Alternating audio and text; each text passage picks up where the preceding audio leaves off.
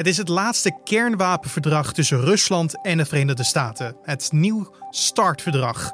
Door dit verdrag geldt er nu een plafond van onder andere 1550 kernkoppen en bommen voor beide landen. Alleen begin februari verloopt deze overeenkomst. Een nieuw ontwapeningsverdrag of het verlengen van het huidige is waar experts op hopen. Maar Amerika wil dat er nog een land aanschuift. Dit wordt het nieuws. In het ideale geval gaan alle landen met kernwapens bij elkaar aan tafel zitten en gaan met elkaar praten om kernwapens de wereld uit te krijgen. Het zijn gruwelijke wapens die de mensheid kunnen vernietigen. Maar ja, zolang dat nog niet aan de orde is, vind ik het een beetje uh, flauw om te zeggen: we gaan niet met de Russen praten als de Chinezen niet meepraten van Amerikanen. Al dus Sikko van der Meer, kernwapenexpert bij Instituut Klingendaal. Met hem gaan we straks uitgebreid praten over dit onderwerp. Hij volgt deze ontwikkeling op de voet en kan ons er straks alles over vertellen. Maar eerst kijken we kort naar het belangrijkste nieuws van nu. Mijn naam is Carne van der Brink. Het is vandaag dinsdag 23 juni en dit is de Dit wordt het nieuws middagpodcast. Johan Derksen is ook na de zomer nog te zien in Veronica Inside. De voetbalanalist zei eerder vandaag tegen de Telegraaf dat hij sterk twijfelde, maar Talpa laat aan nu.nl weten dat er inmiddels met hem gesproken is en het zeker is dat hij terugkeert. De 71-jarige voetbalanalyticus deed deze uitspraak na de uitzending van maandag, waarin over racisme werd gesproken nadat hij een Zwarte Piet-opmerking had gemaakt over rapper Aquasi. Derksen liet tijdens de uitzending weten geen spijt te hebben van de uitspraak. Wel zei hij dat zijn opmerking in het licht van de anti-racisme-demonstraties misplaatst was, maar dat het als grap was bedoeld. Michael P. krijgt vier maanden strafvermindering. Ze oordeelde de Hoge Raad in cassatie in de zaak Anne Faber. P krijgt een lagere straf omdat is vastgesteld dat zijn rechten tijdens zijn hardhandige aanhouding zijn geschonden. P liep bij zijn arrestatie in 2017 letsel aan zijn schouder op, doordat hij hardhandig werd behandeld door het betrokken arrestatieteam. P kreeg vorig jaar in hoger beroep wederom 28 jaar cel en TBS met dwangverpleging opgelegd voor het verkrachten en doden van Anne Faber. Deze straf is dus nu teruggebracht naar 27 jaar en 8 maanden. De TBS-maatregel blijft ongewijzigd. De advocaten van Oleg Polatov, een verdachte in het MH17-proces, hebben aan de rechtbank van Den Haag gevraagd getuigen te horen die meer duidelijkheid kunnen bieden over de afstand die een boekraket kan afleggen en de in het dossier opgenomen getapte telefoongesprekken. Dit deden zij tijdens de tweede dag in het MH17-proces, waarop de advocaten hun onderzoekswensen naar voren mochten brengen. Maandag maakte de verdediging duidelijk het onderzoek van het Openbaar Ministerie naar de ramp onbetrouwbaar te vinden. Het OM zal vrijdag reageren op de onderzoekswensen van de verdediging. En president Donald Trump gaat mensen die standbeelden of monumenten vernielen streng straffen. Wie een standbeeld omverhaalt of bekladt, kan tot 10 jaar celstraf tegemoet zien. Dit liet Trump weten via Twitter. Hij heeft de federale politie opdracht gegeven om iedereen die een standbeelden of monumenten probeert te vernielen, direct aan te houden. De president wil niet alleen de daders die op heterdaad worden betrapt aanpakken, maar ook met terugwerkende kracht daders achterhalen die de afgelopen dagen standbeelden hebben vernield. Er zijn geen uitzonderingen, beklemtoont Trump. En dan komt er een einde aan het laatste ontwapeningsverdrag van Rusland en Amerika. Momenteel moeten beide landen onder andere het aantal kernkoppen en bommen beperken tot 1550. Dat komt door een verdrag genaamd Nieuw Start. Het verdrag loopt echter begin februari af. En dus moeten de landen weer om de tafel. Want komt er geen verlenging of een nieuw akkoord, zit de wereld voor het eerst in decennia zonder een verdrag dat de voorraden aan kernwapens inperkt. De Verenigde Staten en Rusland hebben maandag in Wenen voor het eerst onderhandeld. En daarover gaan we praten met Sikko van der Meer, kernwapenexpert bij Instituut Klingendaal. Want Sikko, voor velen is dit misschien wat ver van hun bed. Maar hoe belangrijk zijn deze onderhandelingen en het staande houden van het nieuw startverdrag? Ja, het is vrij belangrijk uh, in de zin dat het nieuw startverdrag, dat uh, eigenlijk een, een, een, een, ja, verdrag in een reeks verdragen is sinds de jaren tachtig al die uh, stelt een maximum aantal aan kernwapen verplicht voor de Verenigde Staten en Rusland. En als dat straks zou wegvallen, dan mogen ze dus allebei zoveel kernwapens bijbouwen als ze willen. En zeker Trump heeft al aangekondigd dat we willen doen. En dan krijg je zo'n wapenwetloop, zoals dat heet. En dat beide landen steeds meer kernwapens gaan bouwen. Ja, dan kun je uh, op zich uh, weer bij absurde aantallen komen zoals in de jaren 80 van de vorige eeuw. Toen we op 70.000 kernwapens in de wereld zaten, dat is niet veilig voor de wereld. Nee, zeker niet. En daarom zijn ze denk ik ook maandag begonnen met het kernwapenoverleg. De gesprekken moesten eigenlijk twee dagen duren. Het werd één dag. Um, was dat een reden voor zorgen? Of zag jij toch weer iets hoopvols? Ja, gek genoeg waren de meeste experts best wel blij dat we zo lang hebben gepraat. Want uh, behoorlijk wat mensen waren pessimistisch. Die zeiden, nou, binnen een uur zijn ze klaar. Met name omdat uh, Donald Trump al een aantal keer gezegd dat hij dit verdrag überhaupt gewoon stom vindt. De Amerikanen hebben ook al een, hele tijd gewacht met willen praten. De Russen willen veel vaker praten dan de Amerikanen.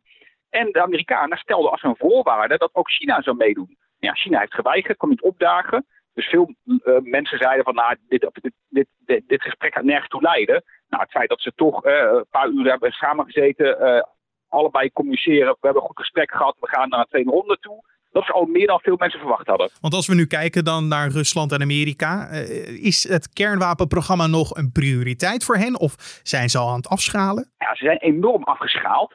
En sinds de voorgangers van het nieuw startverdrag werden ondertekend, zijn ze van ongeveer 70.000 kernwapens samen naar nu ongeveer 12.000 gegaan. Dus dat is een enorme teruggang in, in, in aantallen kernwapens. Maar ja, je ziet dat uh, in beide landen, zowel in Rusland als in, in de Verenigde Staten, uh, de regering toch wel heel erg aan het investeren is in nieuwe kernwapens. In meer kernwapens, uh, betere kernwapens. En ja, met dat ja, voor ogen eigenlijk, zeg met name de Amerikanen, eigenlijk willen we helemaal geen rem meer op die ontwikkeling hebben. We willen gewoon kunnen bijbouwen zoveel we willen. En uh, ja, dat verdrag dat uh, moet maar van tafel dan. En hierdoor ontstaat dus ook het gevaar dat er een mogelijk nieuwe wapenwetloop komt. Ja, kijk, eigenlijk is die wapenwetloop al een beetje gaande. Uh, alle landen met kernwapens zijn er maar negen overigens. Die zijn al enorm aan het investeren in modernisering van hun kernwapens en raketten om ze af te schieten. Maar ja, je hebt nog altijd die rem in Rusland en de Verenigde Staten op het aantal kernwapens. En inderdaad, ja, de vraag is als dat nieuw startverdrag echt gaat omvallen, ja, dan kunnen ze ook in aantallen bij gaan bouwen. En dan ja, krijg je zo'n wapenwetloop dat je, nou, weet ik voor hoeveel uh, van, van die dingen gaat. Dat is niet gezond voor de wereld. Nee, maar ook omdat zij, wat jij zegt, ook de twee grootmachten zijn op dit gebied. Um, dus ja, de, dat zij een limiet krijgen is dan niet meer dan logisch, zou je denken. Nee, dat klopt. Uh, inderdaad, de, de, Amerikanen en de Russen bezitten samen meer dan 90% van alle kernwapens in de wereld. En dat is overigens ook de reden waarom China niet wil ingaan op die eis van Donald Trump om ook mee te onderhandelen. En China zegt, ja jongens, eh, jullie, de, de Amerikanen en de Russen, moeten die verantwoordelijkheid nemen. Want jullie hebben bij elkaar 12.000 eh, kernwapens, terwijl wij in China er maar 300 hebben. dus eh, de Chinezen zeggen, ja eerst jongens, jullie moeten terug naar een aantal dat je een beetje in de buurt komt bij ons. En dan praten we graag mee over verdere ontwapening. Maar uh, ja, op deze manier is het nog ongelijk. Maar China zegt wij hebben ruim 300 kernwapens in ons bezit. Alleen hoe betrouwbaar is die informatie? Is dat getest of getoetst door onafhankelijke partijen bijvoorbeeld? Ja, gek genoeg zijn de enige twee landen waar we het heel precies van weten zijn de Verenigde Staten en Rusland. Door dat nieuwe startverdrag. En daar moeten ze echt gecontroleerd opgeven hoeveel wapens ze hebben. Voor de andere kernwapenlanden is dat wat meer gissen, ook voor China. Maar er zijn redelijk uh, betrouwbare gegevens, uh, ook van onderzoekers en, en van inlichtingendiensten, die voor al die landen een schatting maken. En die schatting varieert vrijwel nooit. Dus we weten ongeveer dat China inderdaad 320 eh, kernwapens heeft momenteel. Maar dan toch nog even terug naar de relatie China en Amerika, wat dus nu ook in deze onderhandelingsrace naar voren komt. Waarop zijn die zorgen vanuit Amerika op China gebaseerd? Ja, sowieso zijn Amerikanen momenteel nogal gefocust op China als vijand. En daarbij hebben ze wel een punt uh, dat China ook wel heel erg hard zijn kernwapenprogramma aan het moderniseren is. En ze zijn heel erg druk bezig met de allernieuwste type raketten om kernwapens af te vuren. En ook China bouwt kernwapens bij in een behoorlijk tempo. En vorig jaar hadden ze nog 290 kernwapens, nu ongeveer 320. Dus er zit een flinke ontwikkeling in. Maar ja, aan de andere kant, eerst ook op de 6000 van de Amerikanen zitten, dan zijn we nog wel een aantal jaren verder. Maar als jij nu kijkt naar deze ontwikkeling dan en dan de zorgen vanuit Amerika, vind je dat ze dan ook een plek zouden moeten krijgen aan tafel? Ja, kijk, in het ideale geval gaan alle landen met kernwapens bij elkaar aan tafel zitten en gaan met elkaar praten om kernwapens de wereld uit te krijgen. Ja, het zijn gruwelijke wapens die de mensheid kunnen vernietigen. Maar ja, zolang dat nog niet aan de orde is, vind ik het een beetje uh, uh, flauw om te zeggen: we gaan niet met de Russen praten als de Chinezen niet meepraten van Amerikanen. Maar ja, de Chinezen hebben een punt. Uh, de Amerikanen en de Russen hebben gewoon zo enorm veel kernwapens. Zij zullen eerst stappen moeten maken om die andere landen ook te overtuigen om mee te gaan praten. Uh, een verschil van, van, van 20 keer zoveel kernwapens als de andere landen. Ja, dat verschil is wel, wel overduidelijk. Maar hoe is dit voor Rusland dan? zien zij dit ook als een belangrijk agendapunt of branden ze hier liever hun vingers niet aan? Nou ja, op zich dat, dat China mee moet doen, dat is niet per se een Russische wens. Maar de Russen hebben wel gezegd, nou ja, als de Amerikanen dan zand in de machine strooien uh, door de Chinezen erbij te willen, dan willen wij Frankrijk en Groot-Brittannië erbij. Dat zijn ook vergelijkbare kernmachten als China. Ja, die hebben daar natuurlijk ook geen zin in. Maar in principe zie je dat de Russen liever onderhandelen met de Amerikanen dan andersom.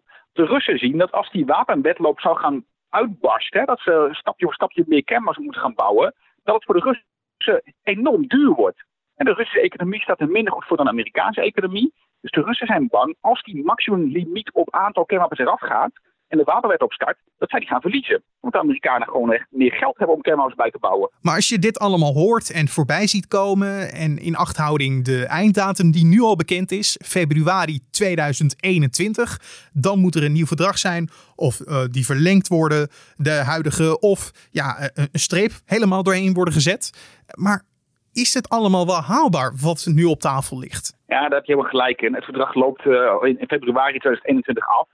En eigenlijk is er al geen tijd meer om een nieuw verdrag uit te onderhandelen. Het zijn hele ingewikkelde verdragen waar ook een controlemechanisme in moeten worden gebouwd en dergelijke. En normaal gesproken duurt het jaren om zoiets uit te onderhandelen. En daarom zeggen de meeste experts, en ook de Russen zeggen, ja, het verdrag loopt af, maar in het verdrag staat dat je het verdrag nog met vijf jaar kunt verlengen. Nou, dan kunnen we die vijf jaar gebruiken om een nieuw verdrag uit te onderhandelen. Maar tot nu toe hebben de Amerikanen gezegd, ja, verlengen doen we ook niet. Trump wil eigenlijk gewoon helemaal van het verdrag af.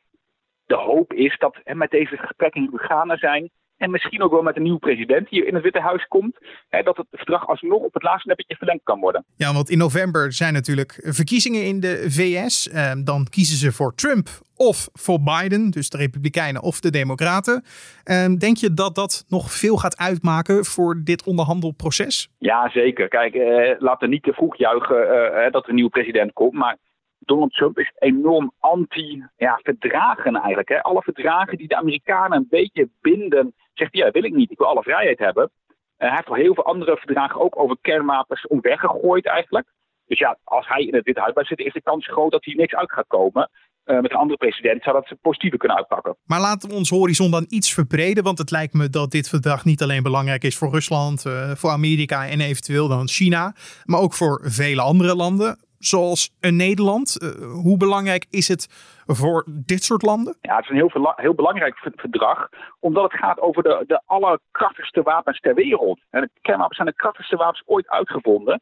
En eh, stel dat er een wapenwetloop ontstaat en er komen steeds meer kernwapens bij. De Russen en Amerikanen gaan elkaar nog meer wantrouwen. Dan krijg je niet alleen meer kernwapens, maar ook meer risico dat die wapens gebruikt gaan worden. En per ongeluk of expres. En als zo'n kernoorlog zou uitbreken, dan kun je zeggen, ja goed, dat is jammer voor de Amerikanen en de Russen dat ze elkaar bestoken. Maar daar krijg je wereldwijd gevolgen van. En met kernwapens, als je die afdoet, kunnen miljarden doden vallen alleen al door die bommen zelf. Maar je krijgt ook wereldwijd klimaatgevolgen. Het zijn zulke zware wapens, heel veel roet en as de atmosfeer in, in, in pompen eigenlijk. Maar dat de zon niet meer kan doorbreken. Dus zelfs als Nederland buiten schot zou blijven, wat ook, ook nog de vraag is, we zitten in de NAVO, dus die weet krijgen ook atoombommen op ons hoofd als een kernoorlog uitbreekt. Maar zelfs als dat niet gebeurt, dan krijgen wij hier te maken met klimaatverandering. En uh, ja, klimaatwetenschappers hebben uitgerekend dat in zo'n geval er ook wereldwijd miljarden doden gaan vallen. Niet door de atoombommen zelf, maar door hongersnood. Omdat de oogst ook wel gaan mislukken. Ja, dus genoeg redenen om eh, te hopen dat ze eruit gaan komen met dit verdrag. Het verlengen een nieuw verdrag of in welke vorm dan ook. Want als je het hebt over de scenario's die er nu zijn, uh, kan je die voor ons schetsen? Ja, het meest verantwoorde scenario is toch dat uh, Trump de stekker eruit trekt uit het verdrag. Um, ook om te voorkomen dat een eventuele opvolger in het Witte Huis alsnog het verdrag op het laatste net gaat verlengen. Dat is optie 1. Optie 2 is dat hij toch hè, op de een manier zijn gedachte heeft veranderd en denkt, nou we gaan toch uh, door onderhandelen en kijken of we het nog iets uit kunnen halen en misschien het verdrag uh, verlengen. Um, ja, en zo zou het nog kunnen dat, dat, dat er uh, een, een nieuw verdrag uit gaat komen. Alleen ja, dat zou toch wel echt heel hard moeten werken. Dat ziet niet meteen gebeuren. Maar ja, idealiter komt natuurlijk een nieuw verdrag eh, met de Chinezen erbij, met andere, andere kernwapenlanden er ook nog bij. Waarin ze met z'n allen afspraken maken over maximumaantallen en ook teruglopende aantallen. Hè, om uiteindelijk toch de wereld vrij te maken van die uh, allesvernietigende kernwapens. Dat was Sikko van der Meer, kernwapenexpert bij instituut Klingendaal. De tweede ronde in deze onderhandelingsreeks zouden eind juli of begin augustus plaats moeten vinden. En dan nog even het weer. En toepasselijk daarvoor heb ik een korte broek aangetrokken. Heb je alleen niks aan met een podcast, maar eh, leuke informatie. Want vanavond blijft het nog een tijd zonnig en warm en kan je nog lang buiten blijven. Want rond 9 uur is het in het binnenland op veel plaatsen nog steeds 25 graden. In de kustregio's is het een paar graden koeler. En komende nacht koelt het af naar 11 graden in het oosten tot 15 in het westen. Morgen gaat de temperatuur zelfs nog wat verder omhoog, met dan op meer plaatsen tropische temperaturen van 30 graden. In het noorden kan het wat koeler zijn en er staat een zwakke tot matige oostenwind. En dat betekent dus dat ik morgen ook weer een korte broek aan ga trekken. Ook weer informatie waar je in de podcast helemaal niks aan hebt, maar een extra leuk feitje. En om af te sluiten dan nog even dit. Nederlands elftal voetballer en centrale verdediger Matthijs de Ligt speelt zich goed in de kijker bij zijn Italiaanse club. Juventus-trainer Sarri was maandag na de 0-2 zege op Bologna namelijk zeer lovend over de Nederlander. Volgens zijn trainer heeft hij zich heel snel aan de Italiaanse competitie aangepast dan de meeste buitenlandse spelers die op zijn leeftijd naar Italië komen doen. Zijn ervaren coach heeft nog veel meer lovende woorden over de oud-Ajaxiet. Zo zegt hij, hij heeft een grote toekomst en zal absoluut één van de beste verdedigers van Europa worden. Dus met een snufje mazzel en geluk kan Nederland de komende jaren bouwen op een Europese topverdediger. En dit was dan de Dit Wordt Het Nieuws podcast voor deze dinsdagmiddag 23 juni. Je vindt de podcast in de middag en in de ochtend op de voorpagina van nu.nl en je favoriete podcast app zoals Spotify, Apple Podcast of Google Podcast. Help ons ook met feedback, vragen, suggesties, alles is welkom. Die te sturen naar podcast.nu.nl. Dat is ons mailadres podcast.nu.nl. En je kan altijd een recensie achterlaten bij Apple Podcast. Mijn naam is Carne van Brink. Ik ga samen met mijn korte broek genieten van het mooie weer. Ik hoop dat jij dat ook doet. En natuurlijk dat je de volgende podcast ook weer zult luisteren. Dus tot dan.